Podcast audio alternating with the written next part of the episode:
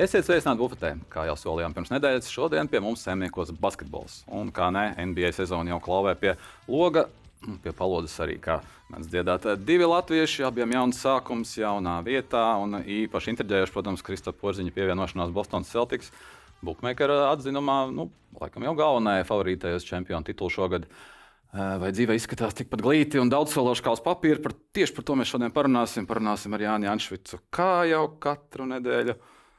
Un ar Žanu Pēneru, kurš pie mums ir atgriezies bufetē, prieks to redzēt. Čau, čau. Bijušais basketbolists Kristap, individuālais treneris, varētu teikt, arī Latvijas izlases treneris jau šajā vasarā, kas ļoti svarīgi, zinot rezultātus. Varbūt arī pasaules kausa arī sāksim. Nu, Pastāstīji, kas bija tas, ko tu pats varbūt gaidīji uz turieni braucot, un vai tu mazliet, zinot visu iekšienē, esi kaut mazliet tikpat pārsteigts kā lielākā daļa Latvijas par to, kā viss izvērtās? Nu, pārsteigts noteikti esmu. Es gan biju ļoti liels. Es neatceros, ar jums es laikam ar toreiz teicu, ka es tam, tam Lukas redzējumam ļoti ticu un redzu, ka ar to var, ka var visu svinēt. Protams, es nezināju, ka tas tur sastāvā aprises mainīsies, bet spēle nemainījās. Es kā Lukam biju kaut, pēc kādas pārbaudas spēles teicis, es teicu, treniņš nepārdzīvot, jums tur Čavars vai Kristaps jums nekas nemainās. Tāpat, tāpat viss uzvarat. Tā viņš tur pasmējās, nē, nē, neteica, ka vispār tā nav. Un, protams, ka viņam vajag Kristapu.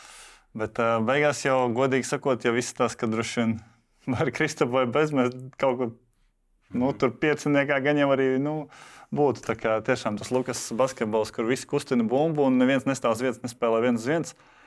Un, ja, kat, ja viņš tur salasa tos pareizos lomas izpildītājus un saliek viņus un visi uz vienas lapas ir, un izpildu treneru norādījumus, tad tas strādā. Un ne tik svarīgi, vai tas ir jā, Lomačs vai Arthurs Kuruts vai Dairis Bertāns. Un, lai vai cik tas var būt utopiski un smieklīgi, bet Kristaps vai, vai Gražulis vai, vai, vai, vai tur, nezinu, Šmits arī izrādījās, ka nemaz varbūt mm. tik liela tā starpība nav nu, treneru tieši zīmējumā. Protams, starpība ir, bet rezultātā tas izrādījās, ka droši vien tāpat vien kaut kur arī būtu. Jā. Tad tu piekrīti tam, nu, ka pat, eh, pat, ar, pat Kristapa būšanas sastāvā nu, mūs pēkšņi nepaceltu tur eh, garantētas divas, trīs vietas augstāk, vai nezinu par medaļām. Nu, garantija nekāda nav. Mēs varējām arī Francijā sēdēt, braukt mājās. Tā mierīgi varēja notikt. Protams, tieši pēc Vācijas spēles, kad mēs zaudējām par tiem diviem punktiem, tajā momentā es tāds. Nu, ja es teicu, pirms čempionāta mēs tur citu, tieši ar Luku bijām par to, ka Vācija ir stiprākā komanda. Mēs kaut kā tur bijām runājuši. Un, ja es uzskatu, ka Vācija ir stiprākā komanda, mēs viņiem zaudējam pa divi punkti.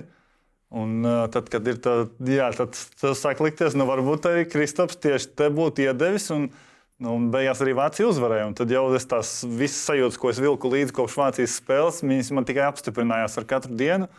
Un bija tāda bišķiņa, nu, ka tik tā nevarēja sanākt pavisam smuki mums. Nu, tā varbūt ir kā prieks par to piekto vietu, bet arī īstenībā Lukam bija līdzīgas sajūtas, manuprāt, cik es tā no viņa nolasīju ka viņš nevienā momentā nebija pārāk priecīgs, jo man liekas, viņam dziļi kaut kur sirdī sēdēja tā sajūta, ka mēs taču varējām arī kaut ko vēl, vēl, vēl labāk dabūt. Protams, tad varbūt tas nezinu, vai tas viņa. Tur labākais treneris būtu, treneris gods būtu, ja mēs būtu ar Kristapu, tomēr bez Kristapa tikt piektajā vai ar Kristapu tur noscīt. Mm. Trešie varbūt uh, viņa, viņa tā zvaigznīte uzmirdzēja spožāk bez, bez Kristapa. Žana, bet uh, Man liekas, ka mēs ar tevi arī par to runājam. Nevis pasakot, ka ar Kristapu mēs eh, vinnētu Vāciju vai zaudētu Vācijai, un apzinoties, ka tā pilnīgi noteikti būtu citādāka komanda, bet kaut kādā mērā paredzamāka, iespējams, iespējams nosacāmāka būtu ar Kristapu. Jo no tā brīža, kad Kristaps nebija kopā ar komandu, netrenējās un zināja, ka nespēlēs pasaules kausā, Tie spēlētāji, kurā spēlē mums izšāva, parādīja labāko sniegumu, fantastisku. Nu, tur bija tāda ļoti daudzveidība. Pretinieks nezināja, ko gaidīt no šīs komandas bez Kristapa. Nu, tā kā Kristaps ļoti labi pagājušajā gadā iekļāvās Lukas schēmās, kad viņš praktiski vispār nespēlēja viens viens, neprasīja tur baigi postā bumbu, bet spēlēja tieši to, ko Lukā arī grib tad es domāju, ka tur problēma nebūtu. Jo Kristaps arī Vašingtonā jau bija pieredzējis pie tāda spēles stila. Arī tagad viņš tomēr aizjūt uz, uz Bostonu. Mēs redzam, ka viņš var viegli iekļauties spēles stilā, un viņam nevajag visu laiku to bumbu spēlēt uz viņu kombināciju. Viņš tāpat tos punktus atrod. Līdz ar to arī šeit. Manuprāt, arī pagājušajā gadā, nu, ja tur Turcijas un Anglijas spēle paņemam, viņš jau nepārturēja īsti bumbu. Man liekas, viņš diezgan labi atrada tos momentus, kur viņš pastiprināja. Un tā, es tev piekrītu, protams, ka būtu paredzamāk. Bet uh, man liekas, ka viņam arī tas, tas ego varbūt nav tāds kad viņš atnāk un viņš arī treniņos piedalījās. Neviens kā, nav tā, kas ar atvērtu muti skatās uz viņu tikai un dod viņam bumbu. Dažreiz, piemēram, kad Lukas spēlē, viņš kaut kā, viņam ir tā tendence tāda, ka visi sāk uz viņu skatīties, dod bumbu, viņš viņu triblē, viņš viņu prasa, viņš bez viņas baigi negrib. Taisīt kaut kādus ekstra slaidus, tur spacingam. Viņš grib tieši paņemt un uzveidot. Un tad, protams, kad ir Luka, tad ir pavisam cits basketbols. Bet Kristofs tomēr viņš prot, man liekas, vairāk to komandas basketbolu uzturēt. Un man liekas, ka ar to baigi problēmu nebūtu. Žani, nulle par Kristapu. Ja man jāpaskatās uz spēlēm kvalifikācijā ar Turciju, ar Lielbritāniju, izcili, vēl vairāk tā kā tu saki, līdz pēdējiem milimetram. Bet es saku, ka Kristapa neesamība iespējams atvēra kaut kādā mērā Šmitu, Gražuli, Žagaru, Rodionu, Artūru Kurucu atsevišķās spēlēs brīžos. Nu, tur bija skaidrs, ka pārējiem džekiem Neviena vārda par Kristapu. Nē, nē, apziņu, ka Protams. viņiem ir atkarīgs rezultāts. Viss arī viņam būs jāparāda. Protams. Nevis mums ir. Jā, jā, un tajā brīdī tev būs vajadzīgs, ar, visi nosaukti arī būs jā. vajadzīgi kādā brīdī. Visā turnīrā. Jā, jā. Nu, ja mēs arī tur papētām dziļāk ciprus, ar kādiem ir uzbrukuši tie nu, tevis nosauktie cilvēki, viņi uzbrukuši ar tikpat augstu efektivitāti kā Kristaps Turcijas un Anglijas spēlē. Tā kā, principā, Tas ir augstākais vispār ar kādu. Ja mēs paņemam šo īso nogriezni, mēs, uz, nu, mēs virs expectācijām, Jā. virs tur ir katram metienam kaut kāda paredzētā vērtība. Mēs esam uzbrukuši diži augstāk. Lielākā nogriezienī tas tā visticamāk nenostrādātu, jo mums izlīdzinātos tie procenti visiem tevis nosauktiem spēlētājiem. Bet Kristaps viņš tur varētu varbūt bišķiņ ilgākā nogriezienī noturēties. Un, Nu, ja mēs paņemam vairākus turnīrus, tad droši vien būtu tas redzamāks. Bet šeit eh, mums sanāca noturēties un, un, un vajadzīgos momentos iemest un uzkrīt. Un, kā, nu, jā, protams, ka tas pacēla līmeni gan tiem džekiem, gan nosacīt dažiem, kā žagaram, uzreiz jau momentā alga tur uzkāpa reizēm, par vairākām reizēm, tad eh, droši vien gražulim. Uh, Nu, Šmits jau ir noslēdzis, bet nu, es domāju, ka Gražulis ir otrs, kuram droši vien arī tā alga uzkāps. Un, un, jā, jā, nu, tā vērtība uzkāps un būtu Kristaps komandā. Visticamāk, viņi to naudu manām. Kaut arī, ja mēs paņemam 2017. gada Eurobasketu un bija Kristaps komandā un mēs tur kādi 4-5 džeki arī vairāk kārtīgi pacēlām savas algas, tāpēc ka viņš paceļ to kopējo līmeni, tu tiec tālāk un tas izstāsta foršāk, ka tu esi tālu ticis. Plus, es saku, viņš ir kopumā diezgan nesautīgs spēlētājs, un arī ar viņu spēlējot, tu, tu vari dabūt tikpat savus metienus, tikai viņš vēl uztais to plašumu, jo aizsardzības centrs vairs nestāv sodu laukumā, un tad mums visiem it kā, kā paliek pat vieglāk labi izstīties. Tā kā droši vien gan tā, gan tā varēs sanākt labi, bet nu, to jau mēs neredzē, nezināsim. Tad varbūt uh, nākamvasar jau Olimpiskajā kvalifikācijā vai tad pēc diviem gadiem Eirobasketā, tad jau mēs arī varēsim spriest, kā tad ir labāk vai nelabāk. Ko pasaules karsā darīja treneris Žants Pēners? Mēs, tas redzamā daļa bija jūsu Rēņa, jūsu Rēņa Lācija podkāstī TV3.CLV. Tiešām visu cieņu, patīkam klausīties. Vai arī televīzijas kadros redzat, ka jūs ar Kristapu sēžat un, un, un, un, un aplaudējat vai izbrīnaties par kārtējām veiksmīgām epizodēm pārējo džeku izpildījumā. Kas ir tas, ko tu darīji? Jo es pieņemu, ka tā sākotnējā loma bija saistīta ar Kristapu. Kāpēc tu vispār pievilkies jā, šim kolektīvam? Uh, nu, cik mēs ar Luku izrunājam, tur, ka man tie visas tās statistikas lietas, analītikas lietas. Uh, uh, sanāk, patīk, tad es uzreiz viņam uztaisīju kaut kādu to ciparu apkopojumu, kas ir gājis par uh, mūsu iepriekšējo sagatavošanās ciklu un visām spēlēm, ko Šluka ir pievienojies, un kaut kādas tendences savilku, kas varbūt labāk strādā, kas sliktāk, uh, nodot to informāciju viņam. Un tad turpināju principā, šīs tendences vilkt līdzi pārbaudas spēlēm un sasaistīt ar konkrētajiem nākamajiem pretiniekiem. Uh, Un dažreiz arī palīdzēja skautingā, kad bija kāds NBA vai gālīgs eh, spēlētājs, kuru varbūt ne tik ļoti mūsu pārējie treneri pārzināja. Tad uh, to skautoju vairāk tā kā es, vai sūtīju savas kaut kādas. Uh, jā, nu man arī ir pieejas pie tam sinerģija pie visām kā, līgām pasaules. Man tur bija bijis vieglāk izskautot tos cilvēkus, kuri nespēlē varbūt Eiropā vai nav bijuši. Tā kā principā šīs ir tās lietas, un spēļu laikā es arī nu, tur skatījos, kuras kombinācijas labāk spēlē, strādā, kuras sliktāk, un arī konkrēti analizēju mūsu aizsardzību, tās tendences pie pikanola, kā mēs labāk izskatāmies. Tad savilku to ar pretiniekiem, kā viņi ir spēlējuši pret konkrētām aizsardzībām. Tad kaut kādas tās likumsakarības mēģināju Lukam iedot. Jā. Par kur spēli ir lielākais gandarījums tīri no šī skatu punkta, kā trenerim, kā analītiski, kur jūs salikāt pareizi un redzējāt, ka nu, strādā viss. Nu, grūti jau ir saprast, ko tieši ir.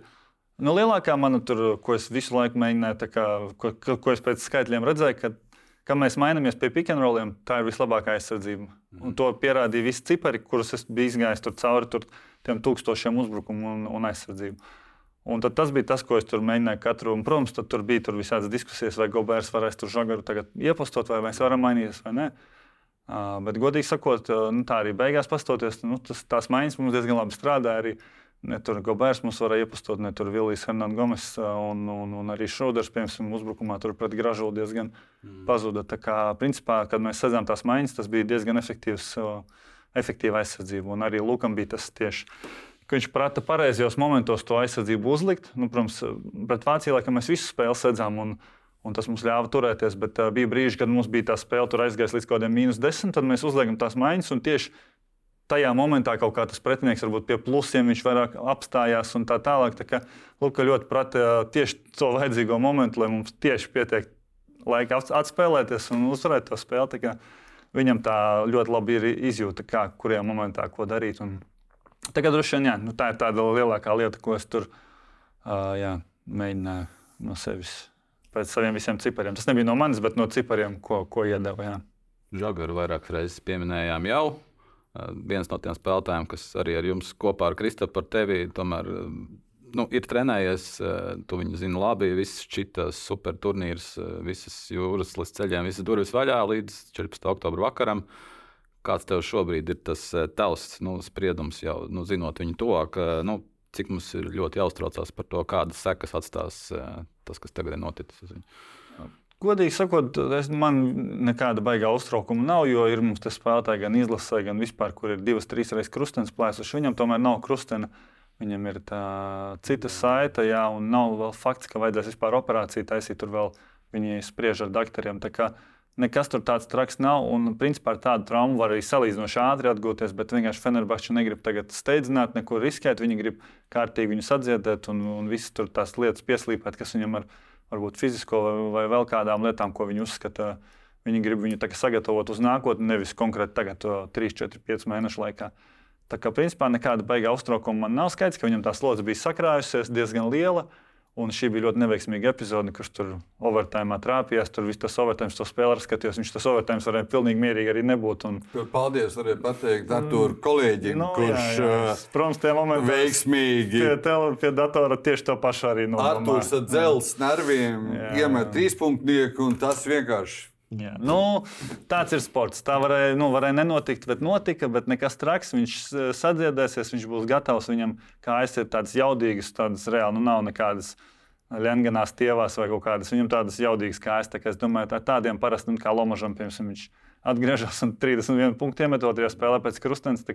Es par žagaru šādā ziņā vispār nu, neuztraucos. Nu, es tikai par psiholoģiju, par mentālo stāvokli, par to, ka nu, tu atkal esi tajā brīdī, kad tev ir jāiet uz augšu, tā kā esi. Jā, bet viņam, godīgi sakot, jau viņš tāpat, nu, Fenerbačos viņu skatīsies. Tāpat tur tajā otrajā, varbūt trešajā sezonā, jā, un tad jau mums tur jāstāsta, kā, viņu, kā viņam ies vairāk. Tas izšķirs, kur viņš nākamo aizies. Nevienam neinteresē, ko viņš tagad darīja decembrī jau pat šīs sezonas beigās, varbūt viņš pat spēlēs, mēs jau nezinām. Visi būs aizmirsuši, ka viņš bija novembrī traumēts. Viņš pēkšņi tā kā gra... Lomas atgriezies un 30 punktus iemetīs. Nevienam neinteresēs, kas viņam bija novembrī. Tāpēc arī tīpaši, ja vēl gads viņam ir līgums, un tad ir tā plus opcija. Un ja jau viņi tā ar viņu reiķinās un paņēmuši uz Stambulu tur uh, dziedēt, tad jau droši vien arī to trešo sezonu iespējams viņi reiķinās ar viņu. Un, un tad vēl ļoti ilgs laiks līdz tam, kamēr viņa kaut kas tiks izlemts par viņa konkrēto varbūt, varēšanu, mm. karjeru un tā tālāk. Tā, es domāju, viss ir kārtībā, viņš kaut kādu naudu būs nopelnījis un viņš parādīja, ka viņš var spēlēt. Tad mums atkal nu, jāpagaida bišķiņi, kamēr mēs atkal to visu redzēsim. Nu, to, ka viņš var Eiropausā un Lietuvā nospēlēt, mēs principā sapratām. Mm. Tagad mums ir nākamais solis jāgaida, kurš jebkurā gadījumā nebūtu tagad. Mm. Viņš būs droši vien pēc gada vai pēc diviem. Un tā trauma varbūt pat tik ļoti daudz to neietekmēs, manuprāt. Cik tu redzēji Lietuvas spēles autoram? Mm, praktiski visas. Praktiski Man visas. bija sajūta, drusku tā kā matriksā. Viņš uzmestu, jebkad, kad gribētu, viņš paietu garām, jebkam, kam tā kā palielinājumā, Kemzura, nu, viņam ir jādod tā piespēle. Atsevišķos brīžos, kad viņš turklāt aizgāja garām, labi, neiemeta kādus. Viņam tā kā tāda palēninātā filmā bija tas skaidrs, ka lietuvājums. Nu, jā, protams, bija tur um, procentos tas kritums. Mums jā. sakrita, ka tie procenti viņam sakrita tieši tur, jo viņš tur uzbruka visos iespējamos, gan izolēšanos, gan jebkuros. Mm augstāk nekā viņš uzmeta neveži, nu, kas principā tā nevajadzētu tomēr būt. Tā kā mums paveicās, ka tur bija bišķiņā ārpus kaut kādas. Mm jā, kategorijas tas viss. Bet uh, šeit viņam nekrita tik labi, bet es tev piekrītu, kā tu saki, ka tur tāpat bija smukas epizodes, labas piespēles, gāja garām. Un tas ir tas galvenais. Ja tu to vari izdarīt, tad tie procenti jau tāpat tev karjeras laikā izlīdzinās. Tev nevajag nekad pār, pārdzīvot. Es, es, es arī vairākiem džekiem teicu, nu, tu, tu pārdzīvo, ka tu aizmeti sešas metienas garām, bet nogriezni karjeras tu uzmetīs tūkstošiem, desmitiem tūkstošu metienu. Tāpat tas procents būs tāds, kāda tev ir trenētība, roka un tā tālāk. Vai pieci tagad iekrita vai neiekrita, nu par to nevajag pārdzīvot. Jo visticamāk, ja tu baigi pārdzīvot, tad tu tikai pal, nu, pasliktinās to pārējo to savu piemēru. Bet, nu, jā, Tīpaši, kad NBA tur nezinu, kāds tur pārdzīvo. Viņam tur katrā spēlē ir 20 metieni. Tur nav ko pārdzīvot. Tu tāpat dabūsi savus metienus Eiropā. Tur tev 2-3 pa spēli ir, un tu vari pārdzīvot. Ai, nevienu šodien neiemet. Nu, beigas slikti. Bet nu, kopumā jau jā, viss būs ok. Tur. Par savainojumiem runājot, un par pasaules kausu runājot, nevaram mēs to pašu Kristofu nepieminēt. Bija daudz dažādu versiju, daudz dažādu spekulāciju, daudz dažādu sazvērstības teoriju. Cik to šobrīd var pateikt? Kas notika, kad notika un, un kurā brīdī patiešām bija skaidrs, ka, ka Kristaps nevarēs spēlēt. Nu, respektīvi, kāda bija tā chronoloģija un secība tam visam? Gudīgi chronoloģija jau vairākos podkastos un intervijās teica, ka bija tieši tāda, kāda arī viņa bija mēdījos izskanējusi. Protams, kad viņam kaut kas iesāpās, nu, neviens taču arī citiem spēlētājiem kaut kas sāpēja. Nu, tad, tad, nu, ja mēs sāksim pēc kārtas, iet tur gan katram kaut kas sāpēja un, un izlaida treniņus tur nu, lielākā daļa kaut kādos momentos, nu, kad tev izlaiž treniņu vienu vai divas dienas, neviens jau uzreiz neiet mēdījiem interviju dot. Es šodien netrenējos, un viss saka, Dievs, es tulīt nespēlēšu. Nu, tā nav. Taču treneris arī negrib kaut kādu lieku paniku, un, un vienkārši nu, viņam sāk sāpēt. Likās, ka būs ok. Viņš vēl ir tāds vienmēr cilvēks, kurš vienmēr ir ļoti pozitīvi noskaņots uz nākotni. Viņš tam viss būs labi, viss būs labi. Viss, nu, tam nu, būs labi, būs labi. Nākamajā dienā, ko notrenējās, tur tā var redzēt, ka kaut kas nav. Mēs, nu, kā ir, būs ok, būs ok. Ja? Trešā diena, nu, būs ok, būs ok. Mēs tad nu, kaut kas varbūt nebūs ok. Nē, nē, būs labi. Un, nu, tā tas arī vilkās, kamēr tur neuztaisīja padziļinātākas pārbaudas un saka, nu, ir tā, atbrauc Bostonas ārti, pastāsta, ja, ir tā. Nu, kā tu darīsi? Viņš saka, es vēl gribu pamēģināt, es vēl gribu pamēģināt, es vēl gribu pamēģināt. Nu, tā tās dienas arī iet. Nu, līdz ar to, ja mēdīji grib, lai pirmajā dienā pasakā, es nespēlēšu, nu, bet kā tā var pateikt? Nu, pateikt, ka man sāp ēda, nu, kāpēc tas kādam vispār ir jāzina? Nu, Jā, varbūt jāzina, ja, ja tā ir, bet nu, bija jau aizgāja kaut kādas runas, ka jā, varbūt viņam kaut kas sāp, bet viņš jau visu laiku teica, ka būs ok. Nu, beigās līdz kaut kādam momentam, kad tās progress nenotiek divu nedēļu garumā, un tad tev ir jāpieņem lēmums, jo tomēr kādam ir jābrauc uz tām uh, Taivānu, uz to čempionātu, un tad jau nu, viņš saprot, nu, tā ir šī tā, un tomēr ir gan kluba. Gan izlases doktori, ja saka vienu un to pašu, kad, nu, kad te ir jāizlaiž mēnesis, nu, Nu, jā, viņš droši vien varētu ja, iemaukt trīs ribumetīnus, nospēlēt vienu, divas, trīs, piecas, vai cik viņš varētu tās spēles tādā veidā nospēlēt. Es nezinu, vai tur nebūtu kaut kas sliktāks pēc tam atgadījies. Mēs jau tagad nezinām. Bet, principā, tā kā viņš to pasniedz, tā kā, tā kā viņš to pasniedz, es domāju, ka tā arī bija. Un nedaudz arī varbūt, es redzēju, ka federācijas cilvēki ļoti pārdzīvo par to, ka viņam daļa kritikas tiek. Bet, Nu, ko federācija var pateikt? Kristaps nespēlēs, ja viņš pats vēl to nav pateicis. Pateikt, ka Kristaps ir traumēts, nu, tu biji skanējusi informācija, ka viņš ir traumēts. Ka viņi to dara, lai pārdotu biļetes. Nu, biļetes tiek pārdotas trīs gadu garumā. Uz katru spēli divās dienās ir soldāts. Anglija, Latvija, Februārī, kur neko nešķīra. Biļetes tāpat tiek nopārdotas neatkarībā. Tas ir Kristaps vai ne Kristaps. Un, nu, jā, nu, es tur dzirdēju kādu versiju, aptuveni, ka Ciprus ar Kristapu sarunājuši ir. Un, lai pārdotu biļetes un sponsors, Tāpēc, redz, Kristaps, es gribu iedomāties, kā Kristapam Ciprus pienāk, jau vai tu nofēko, ka tu visu vasaru mums trenējies, bet īstenībā tu esi traumēts un tu netaisies spēlēt. Nu, tas ir absurds. Nu, kurš Jā. tādam piekrist? Nu? Tur viss ir kārtībā. Jā. Kā ir šobrīd? Vai ar pēdu viss kārtībā? Mm. Jāprasa konkrētāk Kristapam, bet, godīgi sakot, nu, kaut ko viņš tur vēl jūt. Nav tā, ka viņa ir pēkšņi pazudusi. Tur, tomēr tās, cik es saprotu, tā saite sabiezinās ar laiku, un viņa daudziem ir uh, sabiezināta ar basketbolistiem. Bet nu, viņi kaut kādā momentā var iekaist no kaut kādas slodzes, nu, kā, kad slodze staigā augšā lejā. Un, Un, kad tu pārcenties, un ja tu tur turpini augt, tad viņi kā vairāk un vairāk iekaist. Bet nu, viņi tur, cik es saprotu, kontrolē visas šīs lietas. Un, uh, laikam tur tā, ka 0-0 katru dienu sāpes droši vien nav. Bet nu, spēlē, un it kā viss ir. Neatšķirās ziņā. no citām lielajām zvaigznēm pirmssezonas minūtes, kuras visi nespēlēja Jā. pirmo Ņujorku. Un pēc tam apmēram tas minūšu skaits ar teitumiem, brauniem, visiem. Nē, nē, nu, vienāds. viņš spēlēs, viss tas ir ok. Un, un, uh, ja, ja mēs tur paprasīsim Teitumam, Braunam, Horfordam un Holidayam, vai viņiem nekas nesāp, es domāju, ka tur. Es domāju, ka mēs pat varētu vienkārši aptāju uztaisīt sezonas vidū, simts basketbolus apjautāt. Ja kaut būs divi, kuri pateiks, ka nekas nesāp, nu, tad droši vien viņi nav spēlējuši vienkārši spēles kaut kādu mēnesi jau. Nu, nu, tiešām, vai, vai cik smieklīgi, bet tiešām tā ir. Nu, nu, vai nu būs kaut kas sasist no treniņa, vai nu būs kaut kas, kas man tur velk jau ilgi. Nu, nu, nu, tā ir vienmēr. Tā kā Ar to jāmācās sadzīvot. Nu, cerams, ka viņam tas ļoti baigi netraucēs. Bet nu, jā, tāda ir tā problēma. Jā. Vienmēr būs viena, kuriem to pārmetīs vairāk, un Kristaps būs starp tādiem. Nu, to jā, mēs tāpēc, saprotam. Viņam ir tāda ir bijušas, viņš piekārta. ir garš, un- viņam ir jau tas uzlikt tā klišē, ka viņš ir traumatisks. un Līdz ar to, ja viņam kaut kas sāp, tad uh, pirmkārt, droši vien viņš arī nebaigi gribēs uzreiz pirmajā dienā, tur, vat, kā visi mēdīji gribēs, lai viņš uzreiz pirmajā dienā visiem paziņo. nu, Viņš to droši vien nebaigi grib darīt. Un otrām kārtām viņš, bet uh, jā, vēl atgriežoties pie tā. Tā kā viņš pārdzīvoja, kad viņam bija jāpasaka tas moments, es viņu pa visiem šiem gadiem es tik ļoti viņu sagrautu un nebiju redzējis. Tiešām. Nu, viņš noteikti gribēja spēlēt, ja negribu teikt vairāk par visiem, tad nu, nu, tiešām nu, tādu, kādu es viņu redzēju, viņš tiešām ļoti gribēja spēlēt. Tur nav nekāda sakara ar, ar kaut kādu tur. Ai, ka negribēju, vai varbūt es prioritātes uzlikšu kluba labā, vai tur karjeras, vai ko. Tā nebija. Viņš tiešām ļoti gribēja, bet viņš tiešām nevarēja. Ja tajā pat dienā mēs jau tur atnācām, viņš sāk iesildīties. Nu, viņš jau, nu, jau nu, tā iesildīšanās jau paiet. Nu, redzēt, nu, kas te notiek. Nu, rīt ir jālido uz Taivānu.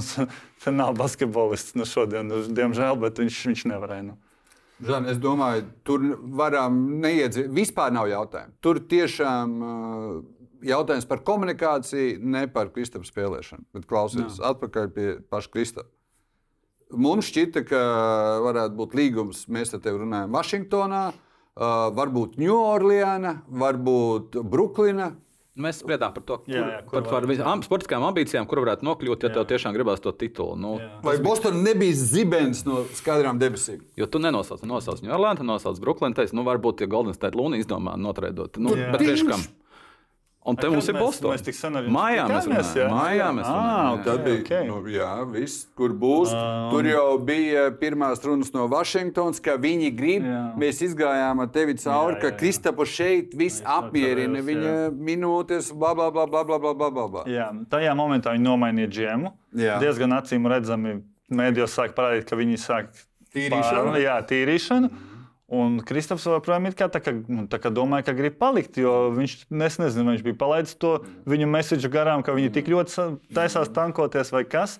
Bet viņš tā nebija baigi. Es tur biju, nu, tā, nu, nē, nu, šī būs tankošanās, kas te notiks. Nu, viņš izniekos savu vienkārši, manuprāt, karjeru pilnīgi neliederīgi kaut kādus vācot ciparus, un pat viņi nebūs interesēti, un viņi sēdinās nos. Nu, nu, es redzēju, ka tas ir pavisam slikts. Tad tur uzrādījās vēl viens variants, kurš jau man patika daudz labāk. Bet Kristaps viņš tā kā vēl bija skeptisks uz to otru variantu. Viņam kaut kā viņš nepatika, tur bija viņam savi iemesli. Un tad, kad parādījās Bostonas variants, man arī bija pārsteigums. Es tā kā negaidīju īsti. Mēs pirms tam nebijām tādu variantu apsprieduši. Bet uh, jā, nu, man tas likās, wow, wow, wow viss ir uh, viss super. Uh, protams, tur vi visur ir savi argumenti, varianti, kā, kur, kāpēc, pa cik, un, un 101 tur aspekts. Un, protams, tās pēdējās dienas pirms tā trade deadline, lai tur var izlemt, kā tur to visu darīt.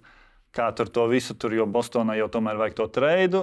Tad pārējām komandām, kuras tur viņam, tur Vašingtonai vajag, lai viņš pagarina pirms viņš iziet brīvajā tirgu. Tad tai trešajai komandai tieši vajag, lai viņš iziet brīvajā tirgu. Un tad viņi varēs noslēgt. Jo tur ir ļoti daudz variāciju, un, un aģentam tur bija ļoti, man liekas, jautri tās pēdējās dienas. Tad tur tie treidi, tad tur Brokdonam veselība neiziet, tur paiet stunda līdz trade deadline, un ja viņš neizzeltojās, tad Vācija, oi, tad Bostonā vairs viņu nevar dabūt. Nu, tur 101 tas uh, aspekts, un uh, ļoti bija tas moments tāds uh, jautrs, kā lai to izlemj, bet uh, nu, es domāju, ka ir es diezgan drošs, ka pieņemts ir pareizais lēmums, jo nu, pat ja nesanāks, viņš kā minimums ielika savā pozīcijā, ka viņam varēja sanākt.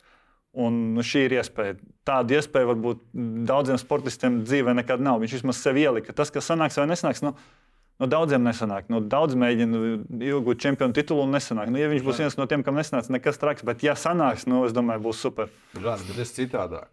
Ja noliek visus, vai tas bija Brokdons vai Smarts, ieskaitām tas, ka tika pie Holiday, kas vēl, man liekas, pēdējā, pēdējais puses gabaliņš. Tu esi ciparu cilvēks, bet ciparus ar sav, savām sajūtām kopā.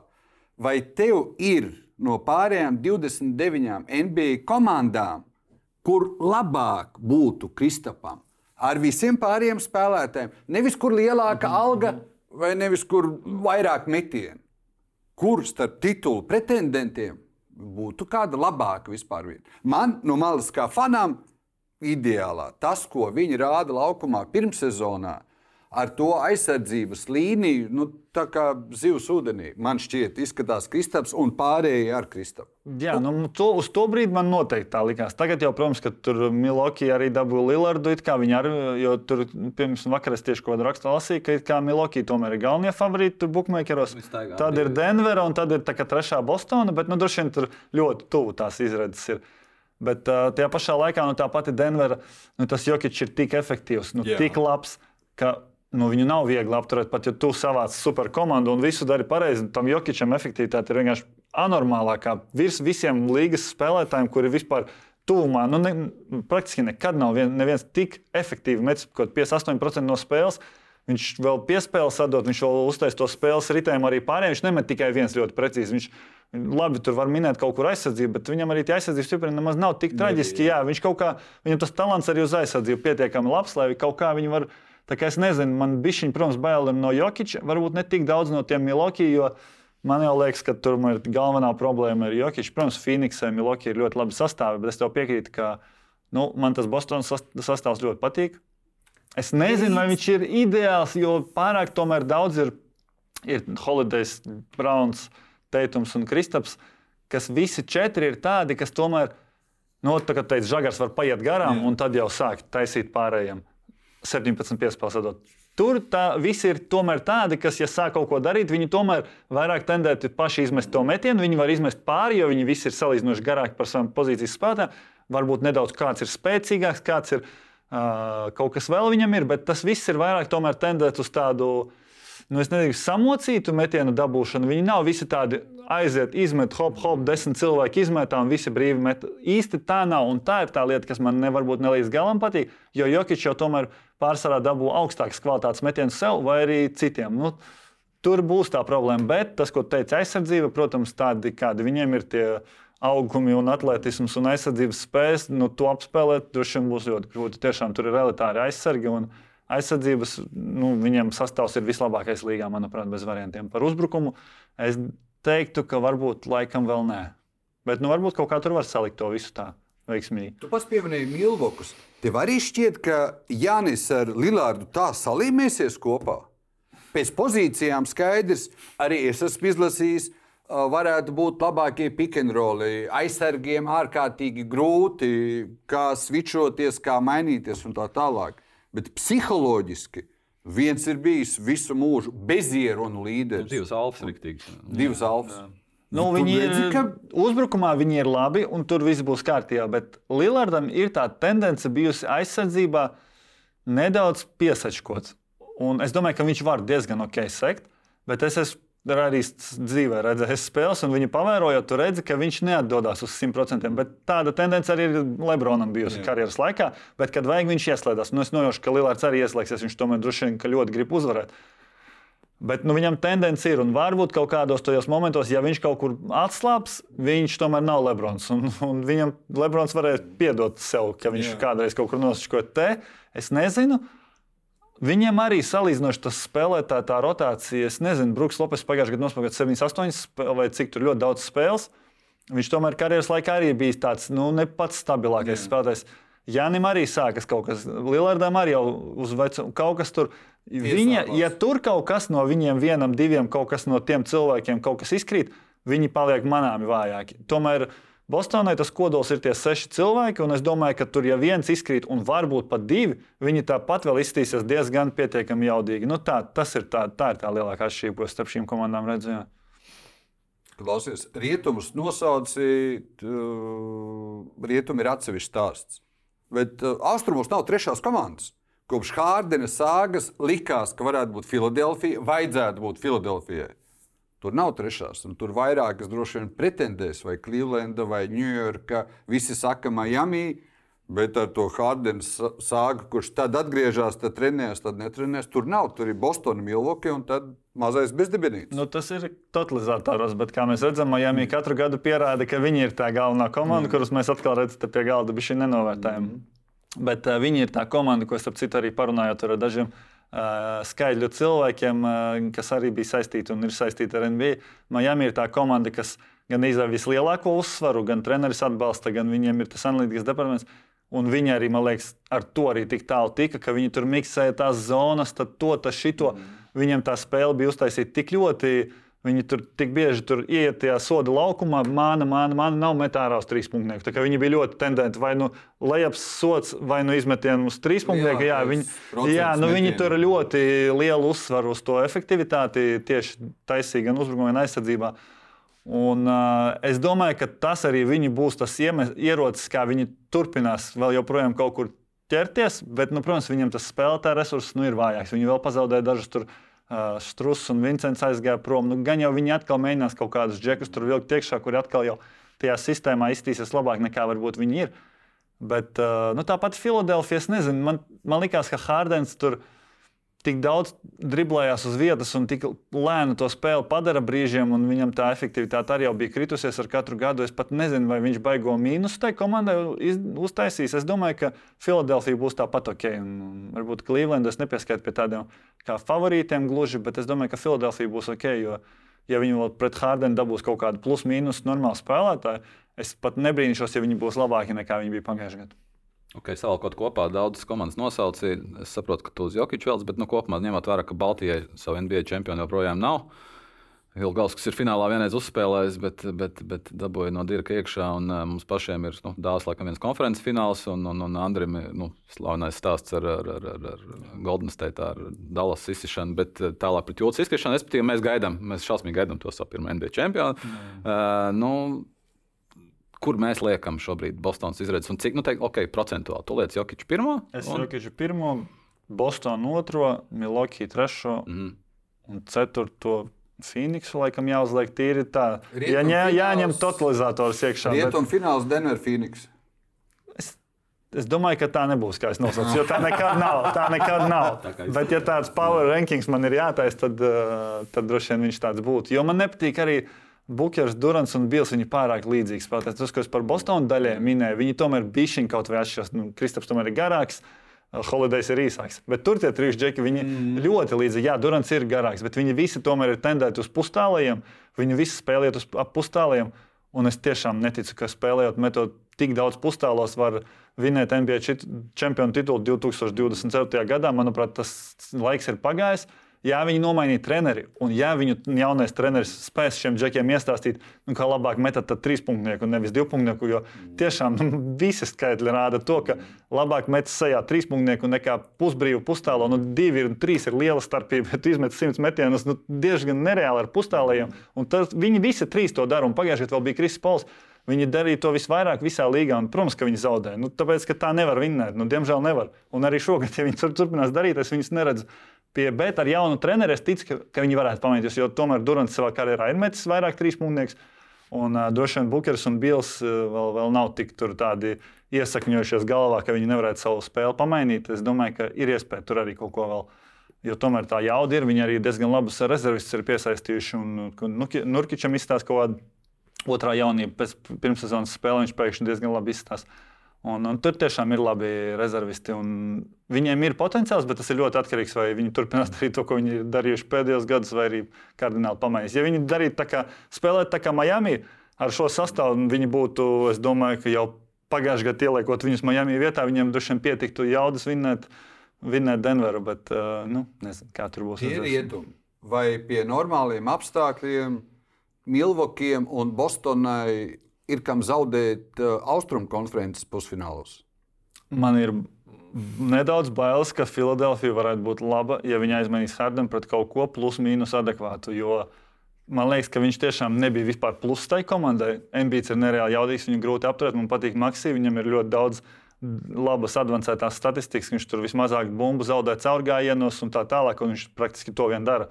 Kā viņš tur mēģina sāsnāt, un viņš tur vismazāk 3,2% tikai zaudē bumbu. Viņam ir ļoti daudz labas īpašības, kuras varbūt bija pazudušas, jo tomēr Hardens bija tas galvenais bolhendlers. Un arī pārējie tas pats Tobais Haris, viņš tur ir sen jau norakstīts mm. spēlētājs, un viņam liela alga un tā tālāk. Bet uh, viņš tomēr ir diezgan liels fizisks. Tur ir džeki, tur ir tiešām normāli džeki, kuri spēlē stingru, labu aizsardzību. Un tur ir cilvēki, kas var arī iemest ar labu. Ja viņi dabūs Hardena vietā, nu, es, nu varbūt Tailers Hero nav tur labākais mm. piemērs, bet nu, kaut kas tāds, tur kaut kas, kas tuvu tur varbūt All-Star game, kādreiz pafigurējis ir vai kaut ko tādu. Es baidos, ka viņi nolikt underdogu vietā pret šīm divām komandām, kuras redz, ir baigie tur favorīti un tā tālāk. Nu, nu, tur var kaut kāda sanākt. Jā, es, es negribētu, lai Bostonas viņam tiek. labāk būt priekšā regulārajā. Austrum tabulā, lai pirmie, un jā. tad Milvokā ir Filadelfija, lai plēšās pusfinālā. Tā es, to, to es noteikti sekotu līdzi un liktu tam kaut kādu nozīmi. Nevis tā, zin, kā dažreiz tur nav tik svarīgi, pirmie, otrie, trešie. Es nedaudz baidos. Nezinu, vai tur kāds Bostonā baidās no Filadelfijas, bet es baidos. Nosiņot pusfinālā. Nē, nevajadzīgi. Lausies, tur ir uh, tāds karstais kartupēlis, par ko neviens nerunā. Atkal jau tev tik ļoti patīk cipari. Uh, tie pēdējais pusotrs gads. Uh, mm, Vašingtonā, Kristapam Porziņģim. Un uh, pārbaudas, tikai pārbaudas spēles Bostonā rāda, cik labi, viņš tika no tās Dallasas projām. Tas 21. un 22. gads sliktākie procenti. Pirmo reizi trīspunktnieki zem 30%. It kā metiens tikai drusku mazāk. Visi cipari rāda, ka Paldies dabai, saulē, jūrai, vēja mātei, ka viņš tika.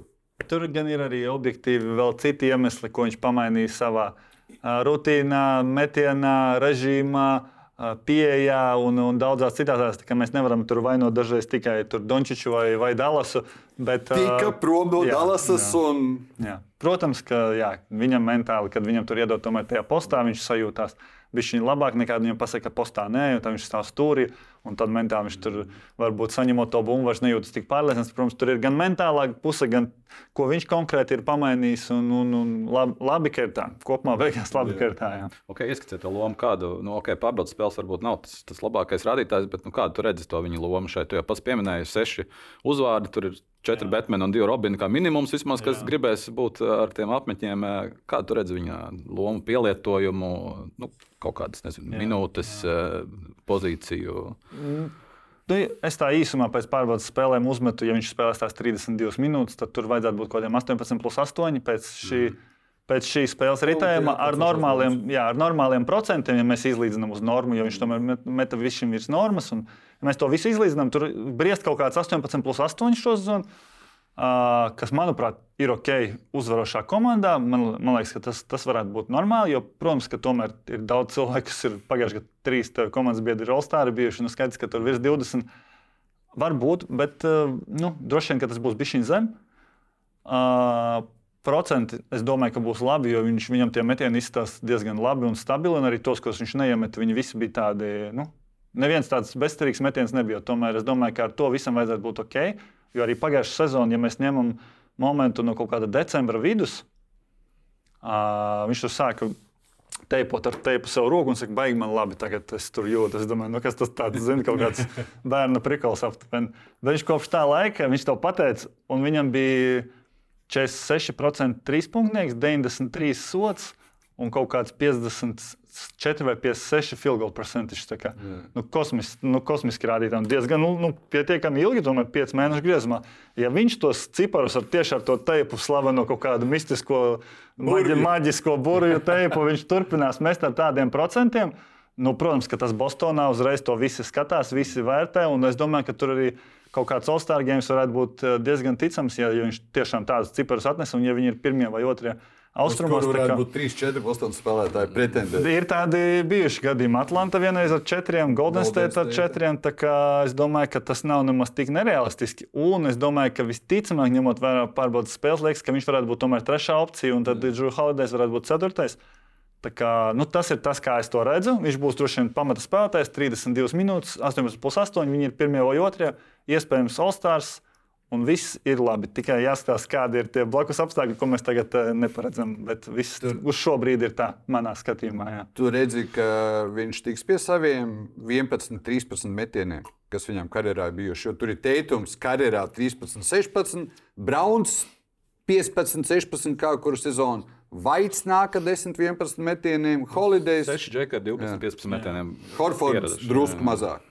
Es domāju, ka viņš tiks, jo viņam šajā gadījumā ir labi, ka viņš tomēr ir garais. Viņš ir vienīgais no visiem tiem garajiem.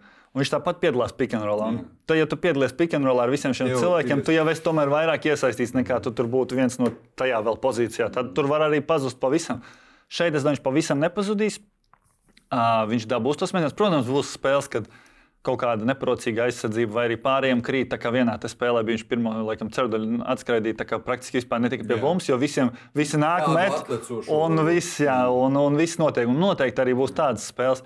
Bet nu, kopumā es saku, tā, tā projekcija, cik es redzēju tās epizodes metienus, tur bumbas pieskārienus, tam vajadzētu izstīties uz šo. Vai tie būs 17, vai 19, 18, 20 vai 16,5. Nu, tas varbūt nav tik nozīmīgi, ja mēs tomēr gribam redzēt tās uzvaras, kurām šobrīd vismaz izstāsta, jā, ir tās problēmas, ko es minēju par to, ka viņi tur netik daudz var sāsnāt, tur nosacītā žagara mums tur, ja mēs tā varam smieties, pietrūks, bla, bla, bla.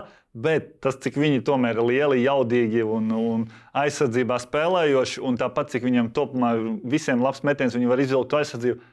Jā, viņi nav ideāli, bet viņi ir ļoti labi. Un, un neviena komanda jau tomēr nav ideāla. Katrai jau mēs varam tur piemeklēt kaut kādas tās vājās puses. Un es domāju, ka regulārajā sezonā tā viņa jauda būs pietiekama, lai savāktu daudz uzvaras.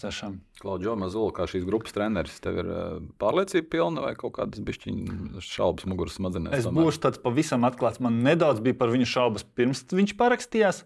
Mēs aizbraucām, mēs bijām Bostonā, kad viņam bija uh, medicīniskās pārbaudes. Es aizbraucu, mēs tur kaut ko patrenējāmies. Es satiku Džonu Zulu, bet viņš arī tāds kluss bija kopumā. Tur Brits Stevens tur varbūt vairāk runāja. Likās, ka viņš tāda tā kā galvenā persona. Un tad likās, varbūt Džo ir vairāk tā kā. Nezinu, izpildu tur breda idejas, vai nu, kaut kāds man tāds. Jā, nu es tā nevarēju saprast, kas tur beigās notiek un kāda ir tā.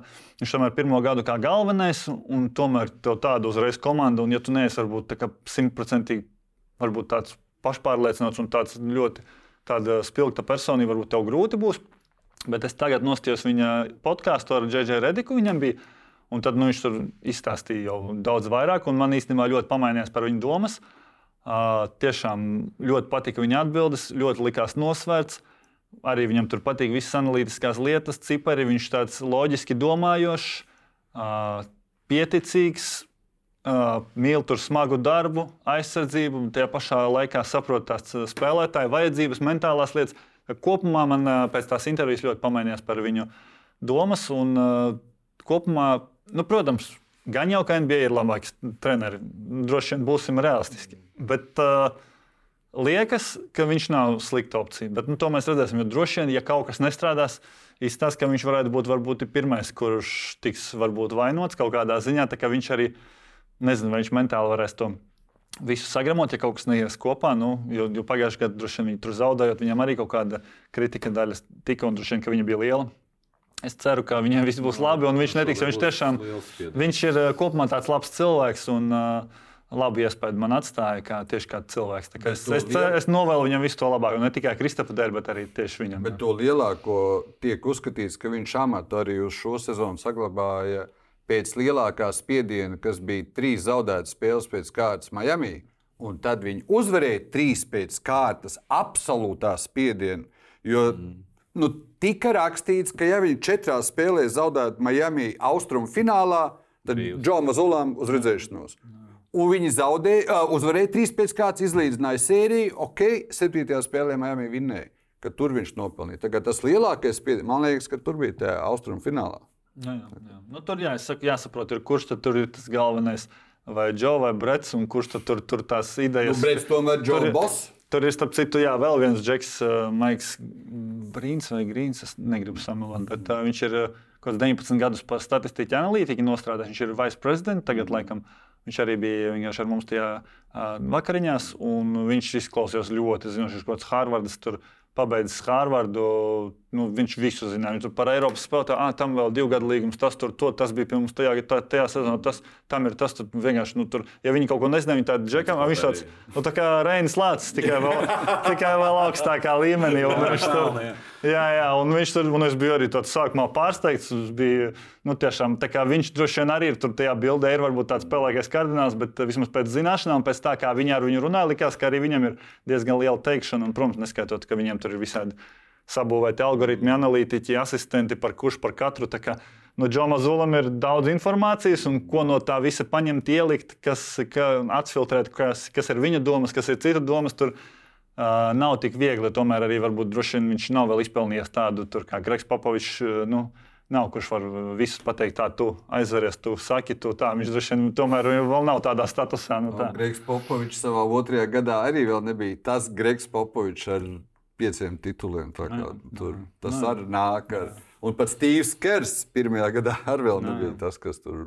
Nu, kā mēs redzam, tā treneru lieta arī NBA nav tik spilgta kā Eiropa. Eiropa atnāk tur Luka un no, no tā, ka mēs netiekam uz Eiropas, ka mēs esam piektie pasaulē un nu, ar tiem pašiem džekiem plus mīnus. Nu, ja, ne, ja ne sliktākiem pēc tā, pēc klubiem un pēc statistikām, tad NBA tomēr, nezinu, Udoka aiziet, atnāk Džona Zula regulārajā plus-minus tas pats. Jā. Vai pirms tam ne Udoka neuzvarēja, tas viņš bija labākais mm. treneris atzīts. Arī NBA mēs esam redzējuši, ka tur treneris pamainās. Aiziet, tad viņš bija labākais, tad viņš atlaiž, tad viņš aiziet tur, tad viņš atkal neko. Nu, tomēr NBA tā spēlētāju vērt, nu, vērtība un talants ir droši vien 90%, un tad 10% ir treneris manā bet, tādā. Bet no Eiropā es domāju, tur ir tuvu 60%. Žan, bet ir divi piemēri. Uh, Losandželosā pirms Fila Džeksona ar visu Kobi un visu Šakilu vairākus gadus mēģināja, un viņiem nekas nesanāca. Tas ir numur viens. Un numur divi, ar tā kā tu saki, nu, nosacīti ar slikto treneri pēdējo 20 gadu laikā, kurš tituls ir izcīnīts?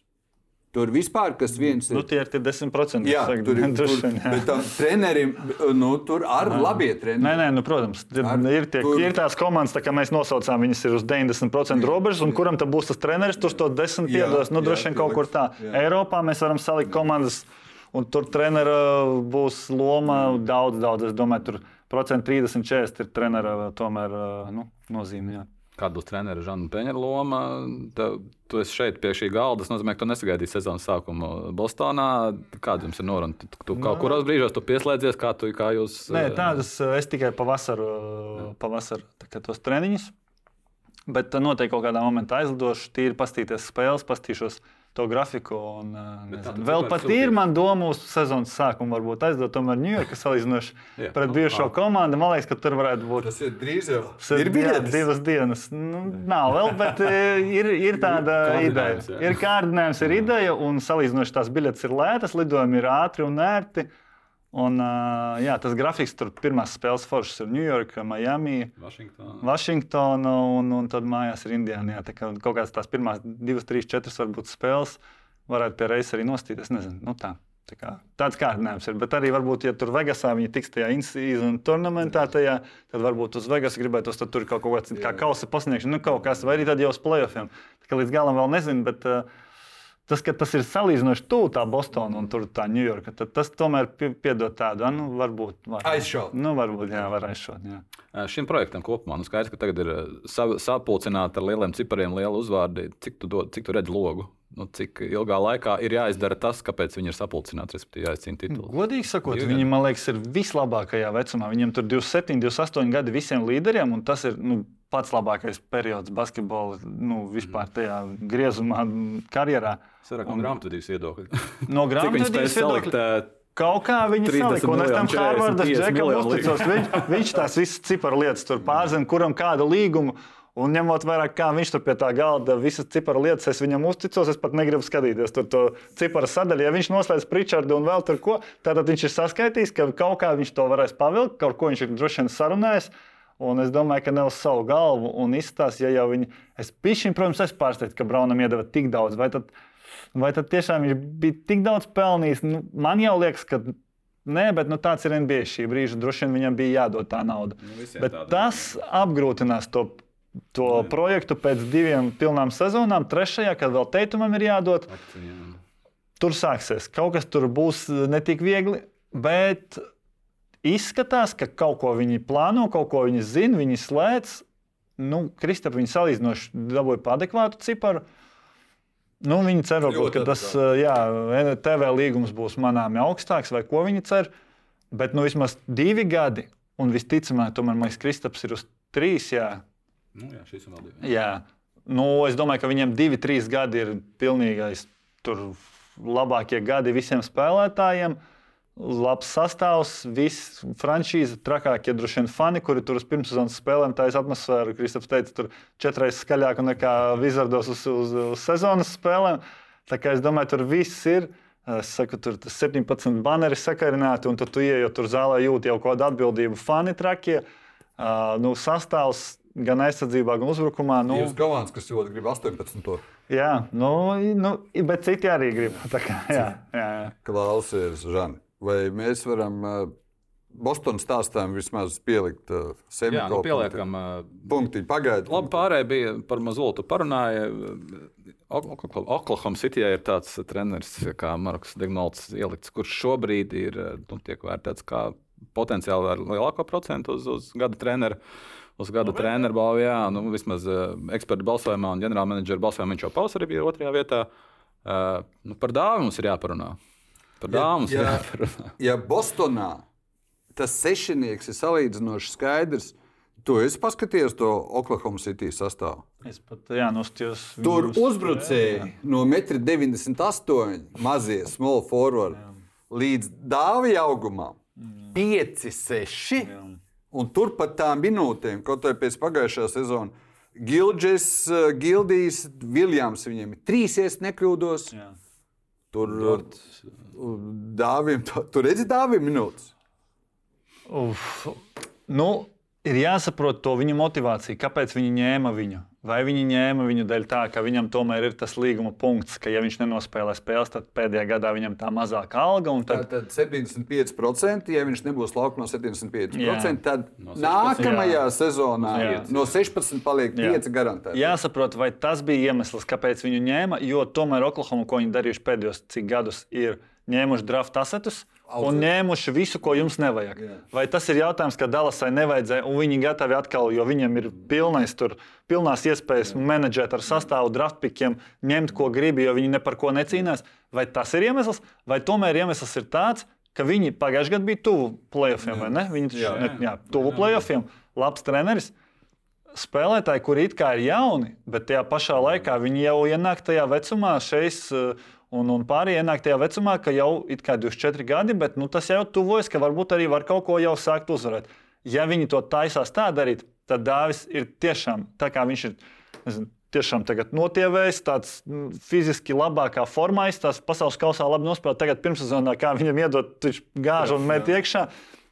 Tāds spēlētājs ir vajadzīgs visiem. Ja viņš sevi kontrolēs un turēs tādā formā, kādā viņš ir tagad, viņš var palīdzēt gan jebkurai komandai. Ja viņam ir bijušas kaut kādas sāpes, kaut kur varbūt viņš ir mazāk spēlējis, un varbūt tas ritms, tonus, augumam varbūt nebija perfekts pēdējos gados. Un svara ziņā tur arī, ja tā pas- pastīties, viņš tur. Uh, tagad viņš ir nometis no, sez- no pirmssezonas, no izlases pirmssezonas. Viņš jau tur manāms tur kilogramus ir nometis. Viņš ir reāli, viņam reliefs ir labāks. Un tā seja jau kaut vai jūs tur tā paskatāties, viņa tā seja izstāsta jau savādāk. Un, protams, ka tas droši vien mazākas sāpes. Labāka izturība, ātrums, dišiņa atspēriens un kaut ko tev tas viss rezultēs tajā, ka viņš ir atgriezies vismaz man no malas tajā līmenī, kādā viņš ir bijis, kad viņam iedod tos 17 miljonus, un par kuru droši vien cīnās lielākā daļa komandas, kurām vajag tieši tādu amplitūdu spēlētāju. Nu, nav daudz džeku, kur ir 2-0-8 un met tik tālus un precīzus un smagus trīspunktus. Tas, Daudz nav. jā, viņš var, bet tikai es nesaprotu, vai tas ir vajadzīgs šobrīd Oklahomai. Viņi, es ļoti ceru, ka jā, jo es tiešām gribētu, lai viņam vēl sanāk uh, reanimēt uh, daļai, ja mēs tā varam izteikties, to karjeru. Uh, un es domāju, ka viņš to var. un Viņš tam ir gatavs uh, fiziski un mentāli. Un, droši ja viņš tā metīs, viņam būs grūti viņu nelaist laukumā. Bet, bet jāsaprot, tomēr, kāds ir viņu mērķis. Jo viņam ir cik 34 kaut kādi draftpiki nākamajos piecos gados. Trīs- Jā, nu, nu tas ir amoks. Tas skaidrs, ka viņi pārbūvējās un viņi neko droši vien vēl negrib uzvarēt. Bet, bet ir bijušas problēmas ar trīspunktiem. Diezgan Jā. acīm redzams. Tā Nu, viņš izstāsta labi, un es domāju, Jā, tas ir galvenais. ņemt ar mērķi. Pat visu kopā, pat bez dāvja, tad pie Gilģisa un Aleksandra un Gidija. Tagad vēl klāt Vesilija Miciča. Jā. Tālāk pie abiem Viljamsiem, Džēlēna un Kenriča. Pokuševskis. Nu, viņi Vēl- ir arī kaut kur tur, man liekas, pastūmuši viņa tajā rotācijā. Nu, jā. tad pastīsies, jo tas uz tām pozīcijām skaidrs, ka pagājušā sezonā bez Četa Holmgrēna. Labi, un tad vai, vai viņš pa ceturto un par piekto sarsvē spēlēs? Tur Nē, nu, tur ir opcija daudz, un viņiem galvenais, man liekas, ko viņiem ir jāsaprot, viņi taisās uzvarēt, vai viņi taisās draftikus pēc iespējas labākus dabūt. Tā kā viņiem viņi ir daudz, tad nosacīt droši vien viņi tik ļoti tankot netaisās. Un ja viņš iztīsies labāk, it kā jau viņam tā minūtēm vajadzētu būt. Bet no otras puses, ja viņi taisās uzvarēt pēc trim, četriem gadiem, Dāvis varētu būt paveca pēc trim, četriem gadiem. Viņi droši vien dos iespēju tomēr tiem 23 gadniekiem, kuri 27 gados viņiem mēģinās to uzvarēt čempionu titulu. Nav ideāla pozīcija, bet kā es to redzu, galvenais, ka viņš ir formā, galvenais, ka viņš met precīzi. Mums tas noderēs izlasē, mums tas noderēs arī pēc vai nu šovasar, vai nākamvasar um, atkal izlasē. Un, kad viņam beigsies līgums, ja viņš būs tikpat labā formā, nu, agri vai vēl viņš tāpat tiks. Vēl viņam ir tie gadi, kad viņš vēl kaut ko var nospēlēt, pierādīt un varbūt tik kaut kādā komandā. Arī, tā kā galvenais, ka viņš ir labs, tā kā ar žagaru. Galvenais, ka viņš spēlē labi un izstāsta labi. Jā, vai tas būs tagad vai bišķiņ vēlāk, kaut kad jau tas viss pierādīsies, ja tu vienkārši pats būsi gatavs to paņemt iespēju. Vai tu saredzi, ka Oklahomas mēdī to saredz, ka viņš var būt labs kopā ar Gilģis Aleksandru? Gilģis Aleksandrs stilam lausties, atdurties, noorientēties gaisā uz zemes, un tur tev stāv kāds, kurš var trāpīt no jebkuras distances. Es domāju, es tiešām domāju, pirms, lai vai cik tas var būt utopiski, ka viņam kādreiz ir aizsardzība, tur pie- piesēž, ka viņam ir slikta aizsardzība. Viņš pasaules kausā bija isolation defensā. Es negribu samalot 4. vai 5. visā čempionātā. Un pret viņu tika spēlēts ļoti daudz, jo mēs mainījāmies. Un visi domā, ah, nu, rekord, mēs spēlēsim pret viņu, jo viņš ir kā jau tas vājākais. Bet nu, kaut kā nevienam nekas baigi labi nesanāca pret viņu. Un tas bija pietiekami daudz epizodes. Tas nebija tā, ka pret viņu nospēlēja četras un iemeta vienreiz. Viņš tāpēc ir pirmais. Nē, tur ir jābūt kaut kādam nosacītam skaitam cik tās epizodes ir bijušas. Tas ir viens no pierādījumiem. Viņš, ja viņš cenšas un viņš ir formā, viņš var nospēlēt pietiekami normāli aizsardzībā. Jā, protams, viņam nav dotības kā kaut kādam Kavai Lenardam. Mēs nebūsim nu, tur smieklīgi. Bet es domāju, ka pilnībā pietiekami ņemot vērā, ka šajam ir rokas 2-4. Viņš var stīlot, tur kaut kā trešais stīlos NBA. Četrs var bloķēt, droši vien būs top 3 blokos. Un tur tie Jēlens Viljams ir arī kaut kāds briesmonis aizsardzībā ar Wingspanu. Tā kā ja tur apkārt saliek četrus pietiekami labus aizsargus, es domāju, viņš var nekrist. Viņš zina, kā rotēt, viņš cenšas, uh, un ja viņš var iemest trīs punktnieku no septiņiem metriem, jebkurā momentā, es tiešām uzskatu, ka viņš varētu būt tur noderīgs, un viņš arī varētu būt ļoti daudzās citās komandās noderīgs. Es tiešām tā uzskatu un ceru. Bet vai mēs to redzēsim šogad, vai nākamgad, vai aiznākamgad, kaut kad mēs to redzēsim, jo viņš būs turpinās saglabāt sevi tādā gatavībā. Un nevienā momentā, jo būs momenti, kad droši vien viņi nelaidīs šogad, varbūt tas būtu pat visu sezonu, bet viņam mentāli jāsaglabā to fokusu. Protams, ir grūti, ka tā ir ne pirmā sezona, ne otrā un ne trešā. Un tev salīdzinoši liela nauda maksā, tu tur 30 gados varbūt tur ne tā vielmaiņa vairs labākā, ne tur, tur, jā, tu tur varbūt nebūs super savs un kaut kāds briesmonis, kurš tur ies laukumā. Bet, ja tev ir tas jāmēģina, es, es viņam jau arī to biju, tur noteikti viņam ir jāmēģina saglabāt, jo kaut kā tā iespēja parādīsies, un tad ir jāizmanto viņu uzreiz, jo tā plūsma spēlētāja, tā kā tu saki, vienu, otru, trešo var paraudāt, nu, kurš nospēlē, tas arī spēlēs. Nu, ja tu nebūsi gatavs vienreiz, otrais, viss tu būsi iespējams kaut kur pavisam sa- soļa galā vai kaut kādā galīgā. Bet, uh, Jā, bet viņam, es nezinu, vai cilvēkiem un Dāvis Bērtāns šādā griezumā ir uz to paskatījies. Daudzos pēdējos gados tur ir aizbraukuši Eiropas pārliecinoši labākais spēlētājs Šarons Jasikēvičs un skraidījis pa laukumu, tā skaitā ar Andriu Biedriņu. Uh, tur ir vēl spāņi, daudzi spēlētāji aizbraukuši uz NBA mazajām naudiņām. Tu netiec pie minūtēm un naudiņas. Nu, to ļoti svarīgo daļu Dāvis ir izpildījis. Dāvim bija tas gads Vašingtonā, Dāvis tika pie tā sava līguma. Nu, vajadzētu būt, ka tu ievērojami mierīgāk vari gaidīt to brīdi, kad saliekās zvaigzne un tev atkal dod, un tu met, un tu trāpi. Mentālā ziņā viņam, man liekas, vispār nav problēma. Viņš ir tik pašpārliecināts cilvēks, gan metienu ziņā, gan es nevaru iedomāties, ka viņš nemet iekšā, tāpēc, ka viņš par daudz ko, domā. Nē, viņam ir uz to, uz to lomažu un Jani Čenoka plauktiņu pārliecība, eh, tie cilvēki. Ar to viņam nav problēma. Tā kā ir jāsadz iespēja, viņam ir jābūt formā, es jau atkārtoju. Bet, uh, ja viņš tās lietas būs, viņš vēl nav tik vecs. Viņš, viņam es, es vēl kaut kā jūtu, ka viņš vēl, viņš vēl var. Viņš nav no tiem džekiem, kuriem jābrauc uz Eiropu un spēlēt, jo viņš, viņam tas spēles stils der. Viņš var.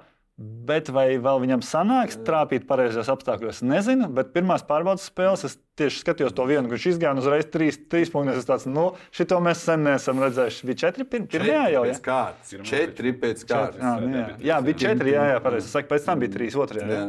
Jā. Nu, es skatījos to spēli. Negāju gulēt, sieva lamājās. tur. Es skatos un domāju, nu, tas ir, nu, vienkārši skrien met. tā kā, Nu, Tas nu, nav daudz tādu cilvēku. Jā, nu, nav daudz Visu. tādu cilvēku pasaulē, kas tā var. Nav. Nu, ko lieliski noskaņot, mums tur ir divi kungi. Par abiem varam pozitīvi runāt. Abiem astotā sezona, kas nozīmē, ka viņi tur nav garām gājēji. Un, uh, meistarība ļauj, pieredze ļauj, un, un, un viss ļauj. Komandas labas, viss notiek.